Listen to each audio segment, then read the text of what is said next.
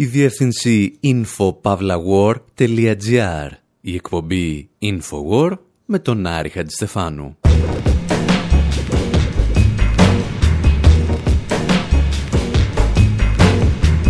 όπου σήμερα αναρωτιόμαστε εάν η μεγαλύτερη συνεισφορά της μεγάλης ευρωπαϊκής οικογένειας στα 60 χρόνια της ύπαρξής της είναι ότι κατάργησε την επιβάρυνση της περιαγωγής στα κινητά τηλέφωνα. Και ύστερα ζητάμε τη γνώμη των ειδικών.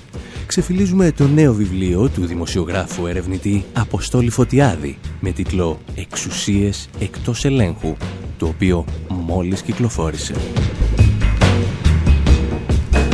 Τον καλούμε στο στούντιο και μας μιλά για την μεγάλη ασθένεια της Ευρωπαϊκής Ένωσης, την μεταδημοκρατική παραμόρφωσή της. Αναζητούμε όμως στο τηλέφωνο και έναν ερευνητή του Transnational Institute που έχει τις δικές του ιστορίες να διηγηθεί για το πώς η Ευρωπαϊκή Ένωση μετατράπηκε σε ένα μηχανισμό προστασίας των τραπεζών.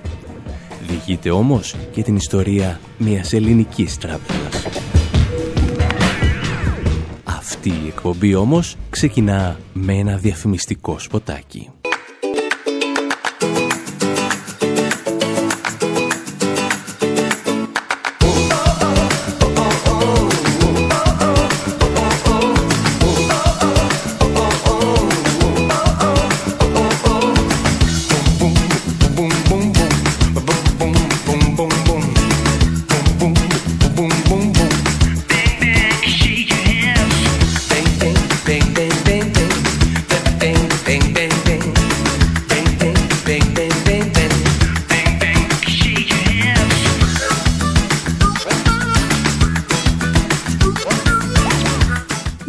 Μουσικούλα που ακούτε μας έρχεται από ένα βιντεάκι που έφτιαξε η Ευρωπαϊκή Ένωση για να γιορτάσει τα 60 χρόνια από τη συνθήκη της Ρώμης. Η μουσική, εάν αναρωτιέστε, λέγεται Shake and Cook, το οποίο θα μπορούσε να μεταφραστεί «Ανακοινήστε και μαγειρέψτε» ή σε πιο ελεύθερη απόδοση «Κούνατον και φτιάξε και καναφαΐ». Είναι από εκείνες τις μουσικούλες που μπορείς να χρησιμοποιήσεις δωρεάν στο YouTube το οποίο ως γεγονός επίσης έχει δύο αναγνώσεις. Κάποιοι θα πούνε ότι η Ευρωπαϊκή Ένωση δεν ήθελε να μας χρεώσει, αγοράζοντας δικαιώματα μουσικής. Κάποιοι άλλοι ότι ακόμη και στα 60 γενέθλιά της πήγε να τη βγάλει στο τζάμπα. Εμάς πάλι μας ενδιαφέρει κάτι άλλο. Ο διαφημιστής της Ευρωπαϊκής Ένωσης που έφτιαξε το βίντεο είχε στη διάθεσή του 54 δευτερόλεπτα για να μας εξηγήσει τι έχει προσφέρει η μεγάλη ευρωπαϊκή οικογένεια τις τελευταίες 6 δεκαετίες. Και ξεκίνησε ως εξής. Λένε, διαβάζουμε στο βίντεο, ότι η Ευρωπαϊκή Ένωση δεν σου προσφέρει τίποτα. Ναι, αλλά από τις 15 Ιουνίου του 2017 καταργεί τα έξοδα περιαγωγής. Ύστερα δηλαδή από 60 χρόνια ύπαρξης, η ευρωπαϊκή κοινότητα θεωρεί ότι το σημαντικότερο επίτευγμά της ήταν η κατάργηση των χρέωσεων περιεγωγής στα κινητά τηλέφωνα. Το βίντεο όμως συνεχίζει θέτοντας ερωτήσεις τις οποίες απαντά μόνο του. Λένε, ξαναδιαβάζουμε, ότι η Ευρωπαϊκή Ένωση επεμβαίνει στις ζωές μας. Απάντηση. Η Ευρωπαϊκή Ένωση σου δίνει τη δυνατότητα να σπουδάσεις, να δουλέψεις, να εκφραστείς ελεύθερα, να ζήσεις, να ερωτευτείς σε οποιοδήποτε σημείο της Ευρωπαϊκής Ένωσης επιθυμείς. Βέβαια, αν ζεις σε μια χώρα σαν την Ελλάδα, το πιθανότερο είναι ότι θα σπουδάσεις ελεύθερα, με έξοδα του ελληνικού δημοσίου και στη συνέχεια θα φύγεις μετανάστης. Το ελληνικό δημόσιο δηλαδή θα έχει επενδύσει από 50 έως 90 χιλιάδες ευρώ και εσύ που είσαι η επένδυση θα εργάζεσαι ελεύθερα κάπου αλλού. Το αν θα εκφράζεσαι ελεύθερα είναι και πάλι ελαφρώς προβληματικό. Γιατί μπορεί να ζεις και πάλι στην Ελλάδα, όπου η ελευθεροτυπία κατρακύλησε 50 θέσεις στα χρόνια των μνημονίων ή μπορεί να ζεις στην Ουγγαρία, η οποία σκέφτεται τώρα να απαγορεύσει την Χάινεκεν γιατί έχει ένα κόκκινο αστέρι στο μπουκάλι, το οποίο σε ορισμένους θυμίζει τον κομμουνισμό. Τέλος, το ότι μπορείς να ερωτευτείς ελεύθερα σε κάθε σημείο της Ευρωπαϊκής Ένωσης, το έκανες και παλιότερα. Το μόνο που άλλαξε είναι ότι τώρα κάθε αμόρφωτος αξιωματούχος της Ευρωπαϊκής Ένωσης μπορεί να σε κατηγορεί ότι τρως τα λεφτά σου στο αντικείμενο του ερωτά σου.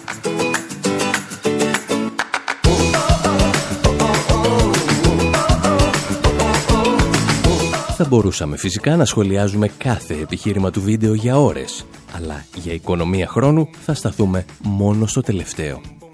Η Ευρωπαϊκή Ένωση, λέει, κέρδισε και το Νόμπελ Ειρήνης. Ladies and gentlemen, good morning. The Norwegian Nobel Committee has decided that the Nobel Peace Prize for 2012 is to be awarded to the European Union.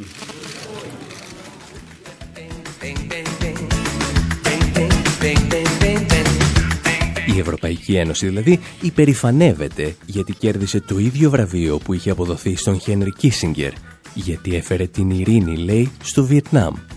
Και όχι λόγου χάρη για την ανατροπή και το θάνατο του Αλιέντε στη Χιλή, όπου τα πήγε εξίσου καλά. Nothing that has happened to me in public life has moved me more than this award.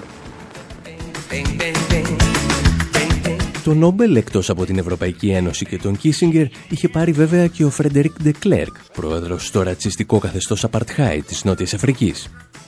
Νόμπελ Ειρήνης πήρε και ο Γιτζάκ Ράμπιν που συμμετείχε στην εθνοκάθαρση των Παλαιστινίων από το 1948. Όπως επίσης με Νόμπελ Ειρήνης βραβεύτηκε και ο Μπαράκ Ομπάμα για τις 7 χώρες που βομβάρδισε επί της Προεδρίας του. Συμπέρασμα. Ίσως ο διαφημιστής να είχε τελικά δίκιο. Η κατάργηση των χρεώσεων περιαγωγής είναι το σημαντικότερο επίτευγμα στα 60 χρόνια της μεγάλης ευρωπαϊκής οικογένειας. Της Ευρωπαϊκής Ένωσης των Λαών, που λένε και κάποιοι αριστεροί. Εμείς πάλι σκεφτήκαμε να εξετάσουμε το θέμα της Ευρωπαϊκής Ένωσης και ελαφρώς πιο σοβαρά. Γι' αυτό καλέσαμε τον δημοσιογράφο και ερευνητή Αποστόλη Φωτιάδη να μας μιλήσει για το νέο του βιβλίο που μόλις κυκλοφόρησε από τις εκδόσεις Καστανιώτη. Και ο τίτλος του «Εξουσίες εκτός ελέγχου». Αυτά όμως θα τα συζητήσουμε ύστερα από ένα μικρό διάλειμμα.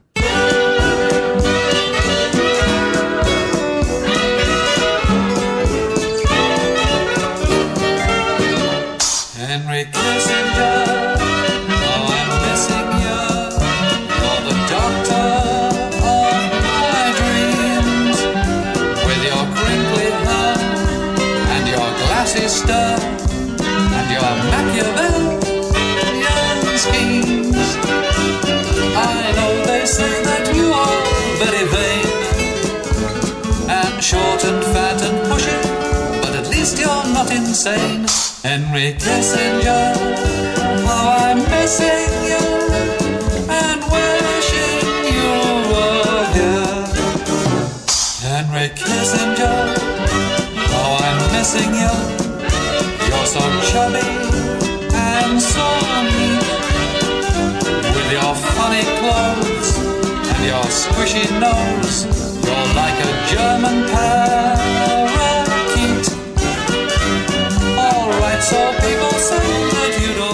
Στην εκπομπή Infowar με τον Άρη Χατζηστεφάνου φορέσαμε τα καλά μας καθώς γιορτάζουμε τα 60 χρόνια από την υπογραφή της Συνθήκης της Ρώμης.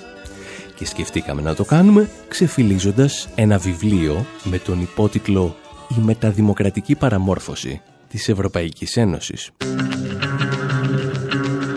Το βιβλίο παρουσιάζει μερικές φαινομενικά μόνο ασύνδετες έρευνες που ξεκινούν από το κοσφοπέδιο, περνάνε με ένα άλμα στην προσφυγική κρίση και στα σύνορα της Ελλάδας με την πρώην Γιουγκοσλαβική Δημοκρατία της Μακεδονίας, σταματάνε για λίγο για να παρακολουθήσουν τον Ευρωπαϊκό Μηχανισμό Σταθερότητας και ύστερα αγοράζουν κάτι όπλα, τα οποία προσφέρουν στην Frontex. Από τις πρώτες σελίδες όμως καταλαβαίνεις ότι υπάρχει ένας πανίσχυρος συνδετικός κρίκος σε αυτές τις ιστορίες. Ο συγγραφέας Αποστόλης Φωτιάδης εντοπίζει τα στοιχεία μιας Ευρωπαϊκής Ένωσης που λειτουργεί πλέον πέρα από κάθε δημοκρατικό έλεγχο. Μας τα εξηγούσε πολύ καλύτερα ο ίδιος πριν από μερικές ημέρες. Η ευρωπαϊκή εξουσία αυτονομείται μέσα από μια πολύ χαοτική διαδικασία γιατί ταυτόχρονα με το να την αποκαλεί κανείς ευρωπαϊκή πρέπει να αντιλαμβάνεται ότι μέσα σε αυτό το χώρο που για μας είναι αδιάφανος και κρυφός ουσιαστικά, μεταδημοκρατικός, μπορεί να συγκρούονται πολλαπλές ατζέντες, οργανωμένα συμφέροντα, εθνικές πολιτικές, ηγεμονικές ε, τακτικές. Ωστόσο όλο αυτό το μόρφωμα ταυτόχρονα αυτονομείται και περνάει σε ένα πεδίο στο οποίο τα κλασικά εργαλεία δημοκρατικού ελέγχου δεν έχουν τη δυνατότητα να ακολουθήσουν και να επιβάλλουν ουσιαστικά όρους.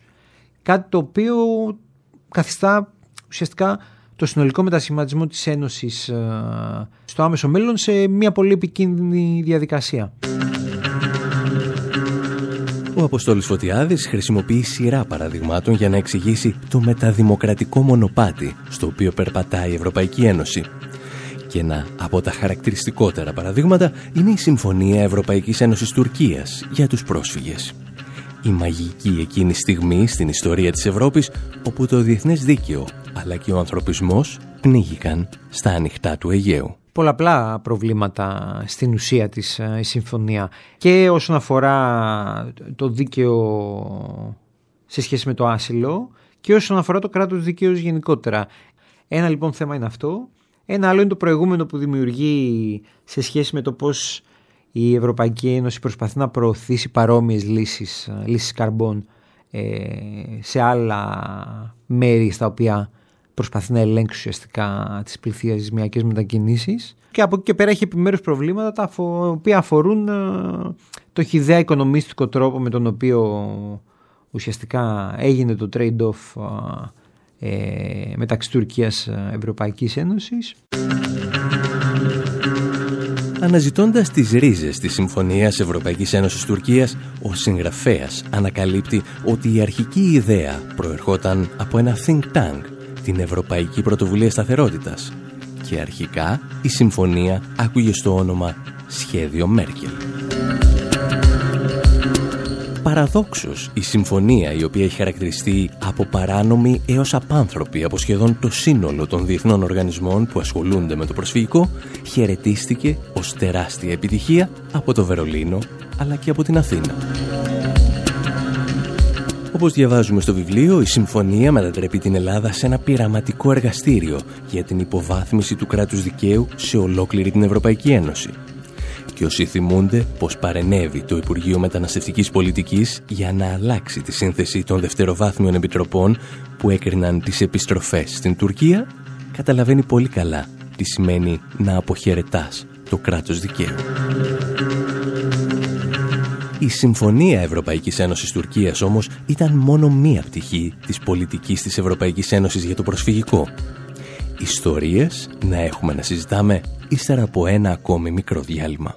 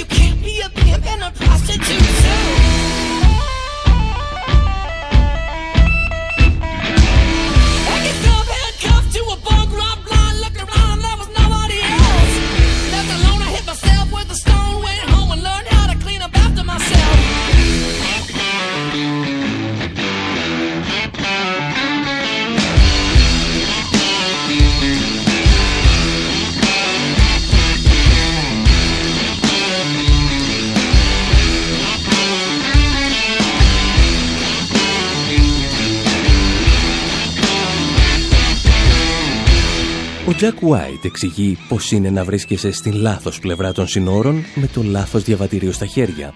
Τραγουδάει για τύχη που υψώνονται στα σύνορα των Ηνωμένων Πολιτειών με το Μεξικό, αλλά και για την κακομεταχείριση που γίνεται ένα εργαλείο άσκησης πολιτικής. Σχεδόν δηλαδή διηγείται ό,τι μας λέει για την Ευρώπη και ο Αποστόλης Φωτιάδης στο βιβλίο του «Εξουσίες εκτός ελέγχου» που μόλις κυκλοφόρησε από τις εκδόσεις Καστανιώτης. Και μία από τις πολλές ιστορίες που μας τράβηξαν την προσοχή ήταν το πώς η κακομεταχείριση των προσφύγων, η οποία έφτανε ή και ξεπερνούσε τα όρια των βασανιστήριων, είχε μετατραπεί σε εργαλείο άσκησης πολιτικής και ελέγχου των συνόρων. Και δεν αναφερόμαστε μόνο στους κακούς συνοριοφύλακες των Βαλκανίων, αλλά σε αυτούς που πραγματικά ελέγχουν τις προσφυγικές ροές. Από τα γραφεία τους στις Βρυξέλλες ή στο Βερολίνο. Μπορεί κανείς ημερολογιακά να συνδέσει περιστατικά κακομεταχείρισης ή πολύ πιο σκληρής αντιμετώπισης των προσφυγικών πληθυσμών με τις περιόδους που είναι ολοφάνερο ότι πια έχει ε, πάρθει απόφαση ότι δεν μπορεί να συνεχίσει αυτό το φαινόμενο και πρέπει ε, να ελεγχθεί και ε, ουσιαστικά να οδηγηθεί στον τερματισμό του. Ε, αυτό γίνεται φανερό και από αναφορές ε, των γιατρών χωρίς σύνορα οι οποίοι είναι παρόντες ε, στις περιοχές που περνάει το προσφυγικό ρεύμα και διαπιστώνουν ότι κατά τη διάρκεια του καλοκαιριού που ακόμη οι Ευρωπαίοι βρίσκονται σε σοκ και δεν ξέρουν πώς θα αντιδράσουν είναι πολύ πιο ομαλή η διάβαση. Γενικώς ενώ ουσιαστικά από το Σεπτέμβριο-Οκτώβριο του 2015 που αρχίζει να διερευνάται ποιος είναι ο, είναι ο τρόπος με τον οποίο θα διακοπεί τέλος πάντων αυτό το φαινόμενο και θα ελεγχθεί ε, η κακομεταχείριση αρχίζει να εμφανίζεται και ουσιαστικά μετά γίνεται ένας από τους βασικούς τρόπους με τους οποίους ε, οδηγείται σε τερματισμό το φαινόμενο της διέλευσης του δρόμου των Δυτικών Βαλκανίων. Προκειμένου να ελέγξει την προσφυγική κρίση, η Ευρωπαϊκή Ένωση δεν διστάζει να αυτοακυρωθεί σε αρκετές περιπτώσεις. Όπως λόγου χάρη με το κλείσιμο των συνόρων και την ακύρωση της συνθήκης του Σέγγεν. Μια διαδικασία που όπως διαβάζουμε στο βιβλίο απαιτεί έναν αποδιοπομπαίο τράγο. Και για άλλη μια φορά η Ευρωπαϊκή Ένωση βρίσκει το θύμα της στην Ελλάδα. Ουσιαστικά αυτό που συνέβαινε εκείνη την περίοδο ήταν ότι έχοντας αρκετές ευρωπαϊκές χώρες επαναφέρει τους ιστορικούς ελέγχους ε, είχαν ένα συγκεκριμένο χρονικό διάστημα διαθέσιμο για να διατηρήσουν τους ελέγχους το οποίο πλησίαζε ουσιαστικά στη λήξη του, χρειαζόταν περισσότερο χρόνο, δεν είχαν καμία πρόθεση να αναιρέσουν τους ιστορικούς ελέγχους που είχαν επαναφέρει. Η Επιτροπή λοιπόν έπρεπε να βρει έναν τρόπο να τους δώσει περισσότερο χρόνο. Από αυτή την άποψη υπήρχε μόνο μία λύση και αυτή ήταν να ενεργοποιηθεί ένα ακόμα άρθρο του κώδικα ώστε να δοθεί ένα πολύ μεγαλύτερο χρονικό διάστημα στις χώρες αυτές να συνεχίσουν να διατηρούν εσωτερικούς ελέγχους. Δυστυχώς όμως για να ενεργοποιηθεί το άρθρο έπρεπε να βρεθεί ένας αποδιοπομπαίος τράγος και σε αυτή την περίπτωση όλα συνομολογούσαν σε ότι αυτός μπορεί να είναι η Ελλάδα. Αρκετούς μήνες αργότερα η Ελλάδα να βρεθεί έκθετη όσον αφορά το πώς ελέγχει τα ευρωπαϊκά εξωτερικά σύνορα και να χρησιμοποιηθεί αυτό ως αφορμή για να ενεργοποιηθεί το αναγκαίο άρθρο στον κώδικα. Στην εκπομπή Infowar ξεφυλίζουμε το βιβλίο του Αποστόλη Φωτιάδη «Εξουσίες εκτός ελέγχου» η μεταδημοκρατική παραμόρφωση της Ευρωπαϊκής Ένωσης. Και θα συνεχίσουμε να το κάνουμε και στο δεύτερο μέρος της εκπομπής θα δούμε πώς ο Ευρωπαϊκός Μηχανισμός Σταθερότητας μετατρέπεται σε ένα ανεξέλεγκτο υπερόπλο.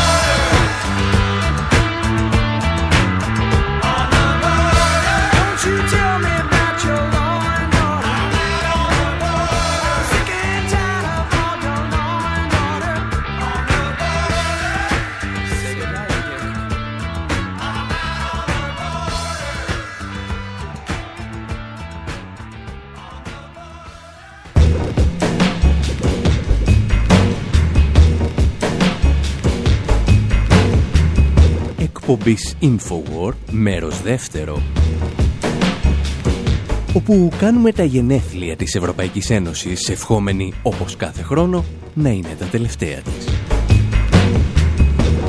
Για φέτος ξεφυλίζουμε ταυτόχρονα το νέο βιβλίο του Αποστόλη Φωτιάδη με τίτλο «Εξουσίες εκτός ελέγχου», το οποίο φωτίζει τις πιο σκοτεινές πτυχές του δημοκρατικού κενού της Ένωσης ή όπως λέει ο ίδιος, της μεταδημοκρατίας της.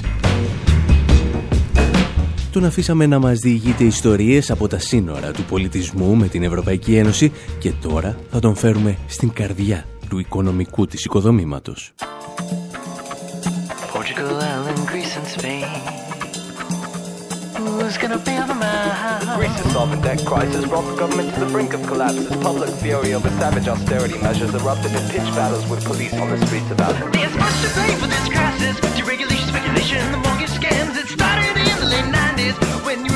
Nations said, let's get together. Big deal countries, big deal currencies, the Netherlands. France and Germany didn't want everybody in that club. Greece only got it because the bucket flow. When you use that euros, just one cash. When things get rough, begin to value. Cash evaluation helps when recession's afoot. It's easier for foreigners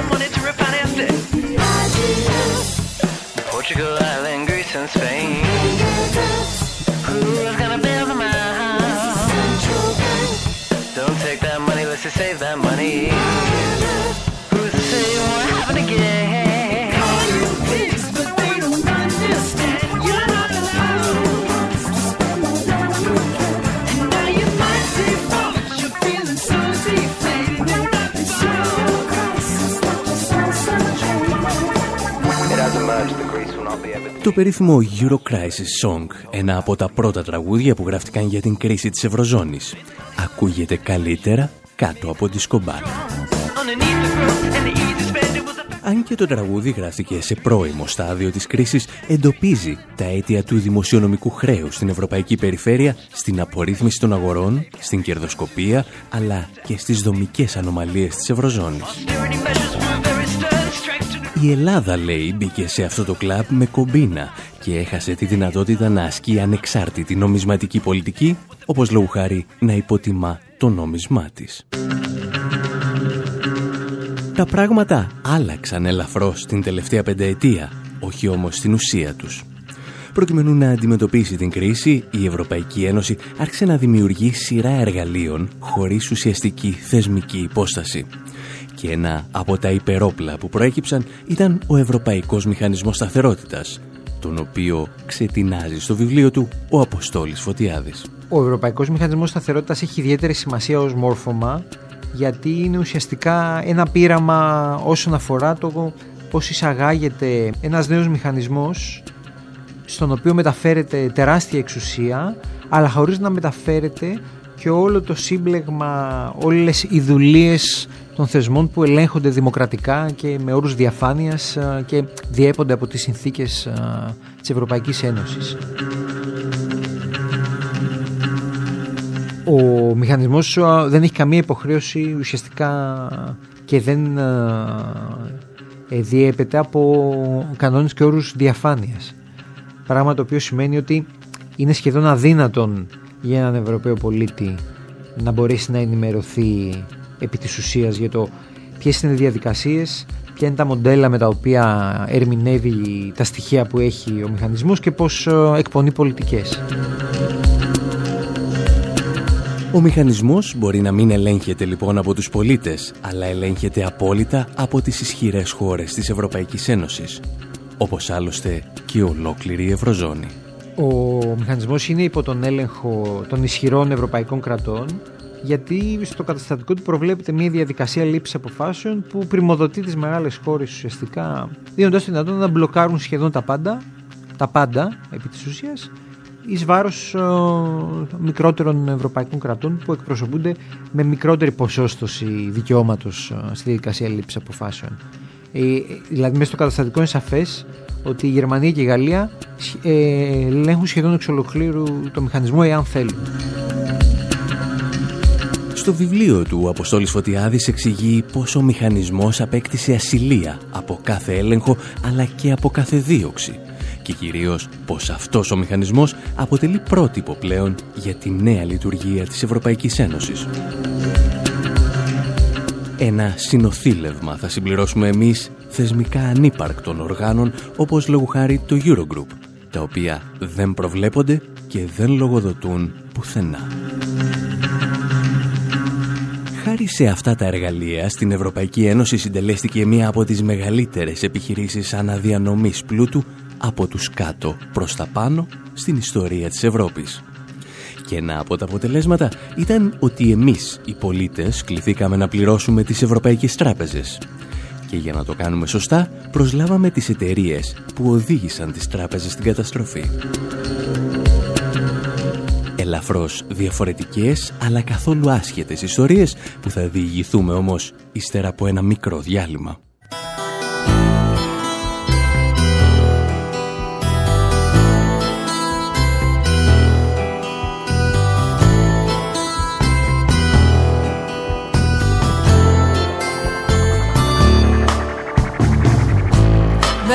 The gangster helps himself.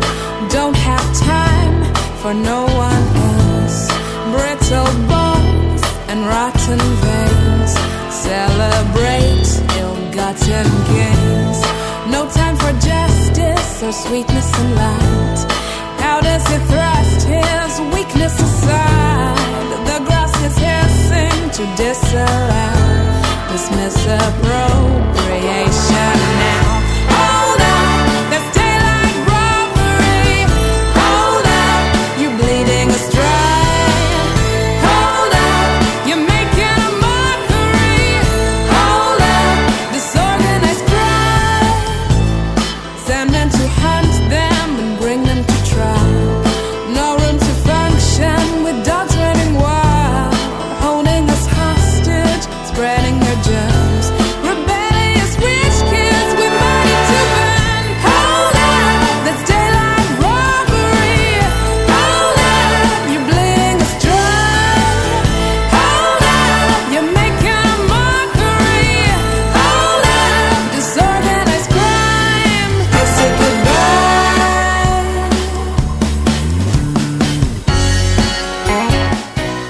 Πως και σχεδόν σε κάθε εκπομπή στην οποία ασχολούμαστε με τις τράπεζες ακούμε τους Μορτσίμπα να τραγουδούν για γκάνγκστερ που αδειάζουν τα ταμεία με το φως της ημέρας. Και κάπως έτσι θέλουμε να περάσουμε στον δεύτερο καλεσμένο της σημερινής εκπομπής. That's daylight robbery. Πριν από μερικές εβδομάδες, το Transnational Institute, ένα διεθνές ίδρυμα που αποτελείται από ερευνητές αλλά και ακτιβιστές, παρουσίασε μία έκθεση με τίτλο «The Bailout Business». Σε ελεύθερη μετάφραση, η μπίζνα της διάσωσης. Hold out, we're bleeding us Το Ινστιτούτο ήθελε να διαπιστώσει ποιος πραγματικά κέρδισε από τη διάσωση των τραπεζών που πραγματοποιείται συστηματικά στην Ευρωπαϊκή Ένωση μετά την κρίση του 2007-2008. Όσο βαθύτερα έψαχναν οι ερευνητές, τόσο διαπίστωναν ότι πίσω από το σύνολο σχεδόν των διασώσεων κρύβονταν τέσσερις εταιρείες, στις οποίες οι χώρες της Ευρωπαϊκής Ένωσης προσέφεραν υπερεξουσίες που κανένας δεν θα μπορούσε να είχε διανοηθεί πριν από μερικά χρόνια. That's day- Επικοινωνήσαμε λοιπόν με έναν από τους συγγραφείς της έκθεσης, τον Ισπανό ερευνητή Σολ Τρομποβίλα και τους ζητήσαμε να μας εξηγήσει ποιοι και πώς κέρδισαν από τις διασώσεις. Πρώτα όμως, αυτός θέλησε να μας θυμίσει ότι για να ξεκινήσει το παιχνίδι κάποιος έπρεπε πρώτα να τρομοκρατήσει τον πληθυσμό και να του εξηγήσει ότι αν δεν ακολουθήσει τις προτινόμενες λύσεις θα επέλθει η απόλυτη καταστροφή. when when we were in this situation of banking crisis of, of panic after the bankruptcy of Lehman Brothers Κατά τη there διάρκεια was της τραπεζικής κρίσης και του πανικού που ακολούθησε την πτώχευση της Lehman Brothers, προβάλλονταν από τα κανάλια και τις κυβερνήσεις η ανάγκη λήψης άμεσης δράσης. Η πορεία που έπρεπε να ακολουθηθεί δεν ήταν απόλυτα σαφής και ακολούθησαν σκηνές πανικού. Η τελική λύση ήταν να χρησιμοποιηθούν τα λεφτά των φορολογούμενων για να σωθούν οι τράπεζες. Το επιχείρημά τους ήταν πως αν χρεοκοπήσουν οι τράπεζες θα καταρρεύσει η οικονομία. Ιδιαίτερα οι τράπεζες που αποκαλούνται too big to fail. Αυτός ήταν ο λόγος που χρησιμοποίησαν τα χρήματα των φορολογούμενων. Έτσι, οι ευρωπαϊκές κυβερνήσεις με τη στήριξη των θεσμών της Ευρωπαϊκής Ένωσης επέλεξαν τη λύση των ευρωπαϊκών πακέτων διάσωσης. they designed a series of rescue packages in the European Union.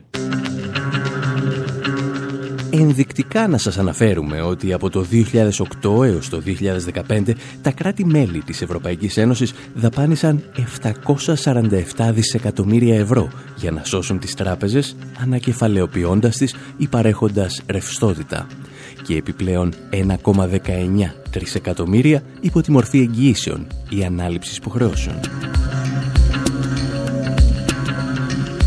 Από αυτά τα χρήματα χάθηκαν οριστικά και αμετάκλητα 213,2 δισεκατομμύρια ευρώ. Το Transnational Institute μάλιστα χρησιμοποιεί ορισμένα εξαιρετικά γραφήματα για να καταλάβουμε το μέγεθος της ζημιάς. Εκεί μαθαίνουμε ότι τα 213 δισεκατομμύρια ευρώ αντιστοιχούν στο ΑΕΠ της Φινλανδίας και του Λουξεμβούργου. Αντιστοιχούν επίσης στα χρήματα που δαπανούν για εκπαίδευση η Γερμανία, η Ιταλία, η Δανία και η Τσεχία. Όλες μαζί ή, αν προτιμάτε, αντιστοιχούν στις δαπάνες που δίνουμε αθρηστικά για την υγεία στην Ισπανία, τη Σουηδία, την Αυστρία, την Ελλάδα και την Πολωνία. Και ποιος εξασφάλισε ότι οι τράπεζες πήραν όσα χρειάζονταν όλες αυτές οι χώρες για την υγεία ή την παιδεία τους; Η Ευρωπαϊκή Ένωση. Για να το πετύχει όμως, χρειάστηκε τη μεσολάβηση ορισμένων γιγάντων του παγκόσμιου χρηματοπιστωτικού συστήματος. Well, the first beneficiaries of the rescue packages are, of course, the banks who were rescued by taxpayers' money. Οι πρώτοι κερδισμένοι από τα πακέτα διάσωσης είναι φυσικά οι τράπεζες που διασώθηκαν με τα λεφτά των φορολογούμενων. Αλλά υπάρχει και άλλη μια ομάδα από εταιρείες που ωφελήθηκαν από τα πακέτα διάσωσης και η οποία βρίσκεται στο κέντρο της έρευνάς μας. Είναι εταιρείες οικονομικών συμβούλων και λογιστικού ελέγχου, οι οποίες σχεδίασαν και επέβαλαν τα πακέτα διάσωσης στην Ευρωπαϊκή Ένωση. Αυτές οι εταιρείες εισπράττουν αμοιβές εκατομμυρίων ευρώ και κρύβονται από κάθε διαδικασία δημοσίου ελέγχου. and usually are hiding from the public scrutiny. Οι τέσσερις εταιρείες, αν σας τρώει περιέργεια, είναι η Ernst Young, η Deloitte, η KPMG και η PwC. Και αν κάποιες δεν τις έχετε ξανακούσει, καλά θα κάνετε να τις αποστηθήσετε, γιατί ανήκουν σε εκείνα τα μαγαζιά που καθορίζουν την τύχη του παγκόσμιου χρηματοπιστωτικού συστήματος. The big four audit firms, as they are known in the financial world, are the biggest audit firms. Οι τέσσερις μεγάλες εταιρείες λογιστικού ελέγχου, όπως είναι γνωστές στον κόσμο των οικονομικών, είναι οι μεγαλύτερες ελεκτικές εταιρείες παγκοσμίως και κυριαρχούν στις χρηματοπιστωτικές αγορές αλλά και στην Ευρωπαϊκή Ένωση. Κατέχουν το 61% από το μερίδιο της αγοράς στην Ευρωπαϊκή Ένωση και σε κάποιες χώρες σαν την Ισπανία και την Ελλάδα το ποσοστό φτάνει το 80%. Αλλά δεν περιορίζονται σε αυτό. Παρέχουν επίσης οικονομικές συμβουλές. Στην πραγματικότητα κερδίζουν περισσότερα από αυτές τις υπηρεσίες από ό,τι από τις υπηρεσίες λογιστικού ελέγχου. Έτσι βοήθησαν τις κυβερνήσεις της Ευρώπης να σχεδιάσουν και να επιβάλλουν τα πακέτα διάσωσης μαζί με μια μικρή ομάδα οικονομικών συμβούλων και εταιριών όπως η εταιρεία Lazard. Πρόκειται για έναν από τους πρωταγωνιστές στο σχεδιασμό πακέτων διάσωσης και προγραμμάτων ιδιωτικοποιήσεων.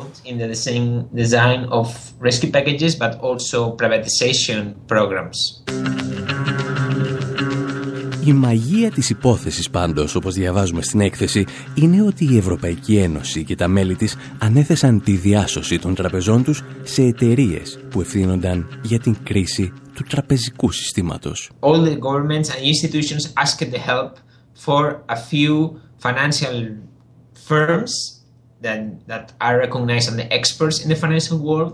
And Όλες this οι is κυβερνήσεις και οι θεσμοί ζητούσαν τη βοήθεια ενός μικρού αριθμού συμβουλευτικών εταιριών που θεωρούνται ειδικοί στο χρηματοπιστωτικό σύστημα. Και εδώ είναι που έρχονται τέσσερις μεγάλες εταιρείες και εταιρείες οικονομικών συμβούλων, τις οποίες βρίσκουμε πίσω από τα περισσότερα πακέτα διάσωσης.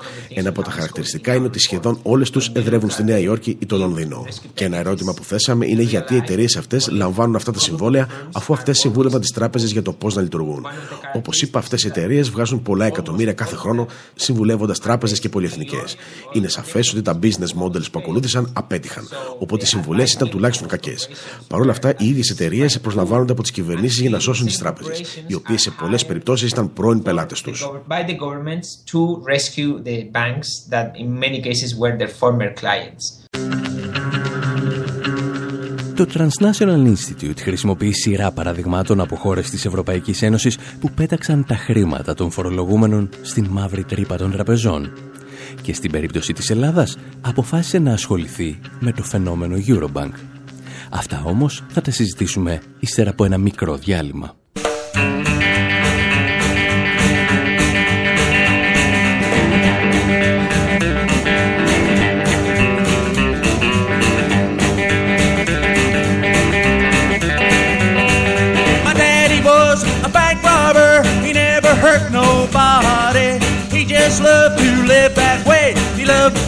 Your money. Some are rich and some are poor, and that's the way the world is. I don't believe in laying back, saying how bad your love is.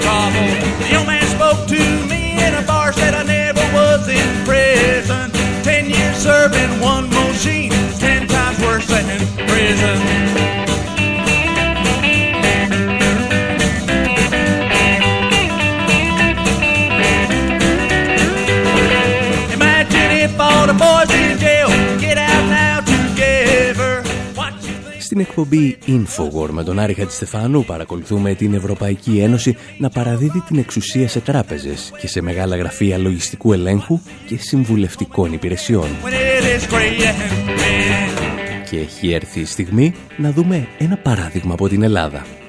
Ο αναλυτής μας Σολ Τρομποβίλα από το Transnational Institute μοιράζεται μαζί μας μερικές κουβέντες για την Eurobank. For Greece, we look at the case of Eurobank. We use quite some data collected by former finance minister Yanis Varoufakis, and he explains Για την Ελλάδα και την κρίση της Eurobank χρησιμοποίησαμε και στοιχεία του Γιάννη Βαρουφάκη που εξηγεί μερικά σημεία κλειδιά αυτής της διάσωσης. Όπως γνωρίζουμε, υπήρξε μια σειρά μνημονίων στην Ελλάδα. Τα περισσότερα χρήματα χρησιμοποιήθηκαν για την αποπληρωμή χρεών και την αναδιάρθρωση των τραπεζών. Υπολογίζεται ότι το 89% όλων των χρημάτων χρησιμοποιήθηκαν για αυτούς τους σκοπούς και μόνο το 11% για τα υπόλοιπα έξοδα του κράτους. goals and only 11% to pay for the other expenses of the Greek state. Η περίπτωση της Eurobank, σύμφωνα με τον συνομιλητή μας, είναι ένα κλασικό παράδειγμα για το πώς μπορείς να πιάσεις κότσο έναν ολόκληρο λαό και να τον αναγκάσεις να πληρώσει τα σπασμένα. Δεν το λέει ακριβώς έτσι, αλλά υποθέτουμε αυτό εννοεί. In 2013, the Greek government buys 95% of Eurobank uh, stocks, paying 1.5 yeah 1.54 euros per share, so like a bit more than a year and a half. Το 2013 η Ελλάδα αγόρασε το 95% των μετοχών της Eurobank πληρώνοντας 1,54 ευρώ ένα μετοχή και εξόδεψε 5,8 δις από το Ταμείο Δημοσιονομικής Σταθερότητας που χρηματοδοτείται με λεφτά Ελλήνων και Ευρωπαίων φορολογούμενων. Η επόμενη κίνηση ήταν η αύξηση του κεφαλαίου της Eurobank που αγοράστηκε από το ελληνικό κράτος αφού δανείστηκε από τα υπόλοιπα ευρωπαϊκά κράτη. Στόχος ήταν να περάσει ξανά σε ιδιωτικά χέρια. Οικονομικός σύμβουλος σε αυτή τη διαδικασία είναι η Lazard, η οποία έχει αναμειχθεί πολλές φορές σε διάφορα πακέτα διάσωσης στην Ευρώπη.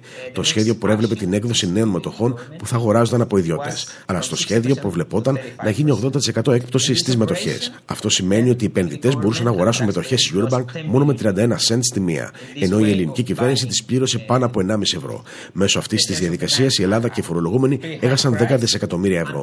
Με την αγορά τραπεζικών μετοχών σε υψηλές τιμές και την πώλησή τους σε χαμηλές, επιτεύχθηκε ο στόχος του σχεδίου. Οι τράπεζες επανήλθαν στα χέρια ιδιωτών και αυτό στήχησε 10 δισεκατομμύρια ευρώ. of the of this plan, no, to bring it back to private hands. But in the process, the taxpayers lost 10 billion euros.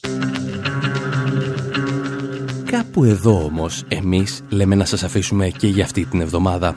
Να θυμάστε ότι βρίσκετε αυτές και άλλες ιστορίες στη διεύθυνση info.pavlawar.gr Μέχρι την επόμενη εβδομάδα πάντως, από τον Άρη Χατζηστεφάνου στο μικρόφωνο και τον Δημήτρη Σαδόπουλο στην τεχνική επιμέλεια, γεια σας και χαρά σας.